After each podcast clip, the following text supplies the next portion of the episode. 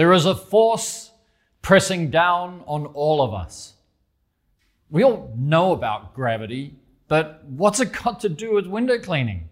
For a water fed window cleaner's efficiency, flow rate is everything.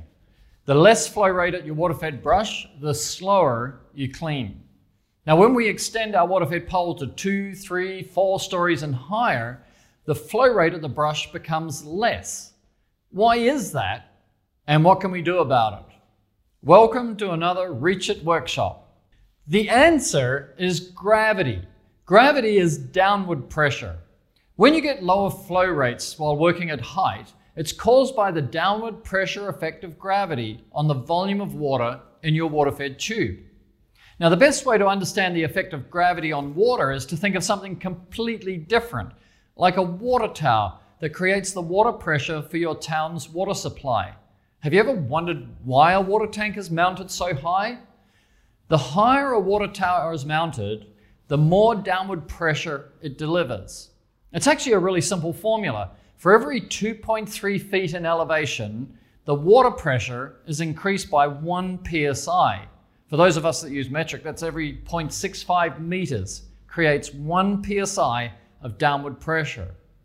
So, by relating to the fact that a water tower creates downward pressure from elevation, and the higher the elevation, the greater the downward pressure, we can kind of reverse engineer this and apply it to when we're pushing water up a tube to feed our water fed brush. So let's call that our upward pressure. So we either lose our upward pressure by 1 psi each 2.3 feet we go up and we get a lower flow rate, or we have to increase the upward pressure by 1 psi per 2.3 feet to overcome the effect of gravity to maintain the ideal flow rate at our brush. So when thinking about the buildings we clean, the average height of each floor in a residential building is like 10 feet or 3 meters. This means that we have to overcome around 4.5 psi downward pressure per floor we go up to have the same flow rate from our rinse jets as we do when we're at the ground floor. And the average height of each floor of a commercial building is 14 feet or 4.3 meters. So this means that we would have to overcome 6 psi downward pressure per floor we go up to have the same flow rate from our rinse jets as we do at the ground level. To make this easier to remember, that is 9 psi at 20 feet, 18 psi at 40 feet, and 27 psi at 60 feet elevation. So let's call it the 920 rule 9 psi per 20 feet. So let's apply this together the water tower and your water fed pole.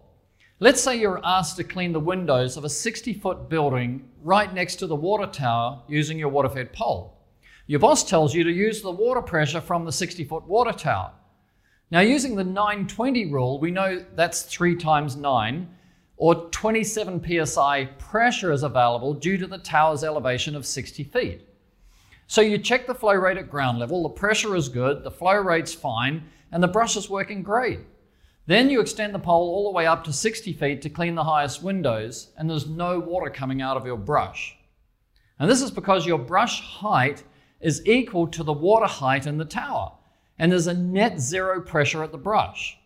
Your boss doesn't understand gravity affects water fed window cleaning, and if you didn't understand this also, you might blame your tools.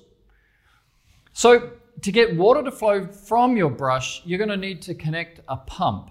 First, the pump will need to overcome the 27 psi of gravity before water will even start to flow out the rinse jets of your water fed brush. And so it is when we're cleaning windows at any height in any location.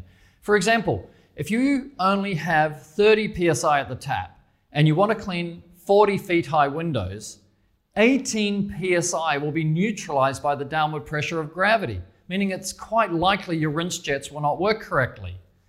Now, if you had 60 psi at the tap, everything would work fine. So, this effect of gravity is just like one of the resistance conditions we learn to overcome when working as a water fed window cleaner. We also have wall friction from the hoses and tube, and if we're using an RODI filter, an RO membrane uses up to 10 psi of the available water pressure to filter the water, We'll cover these topics in other Reach It workshops.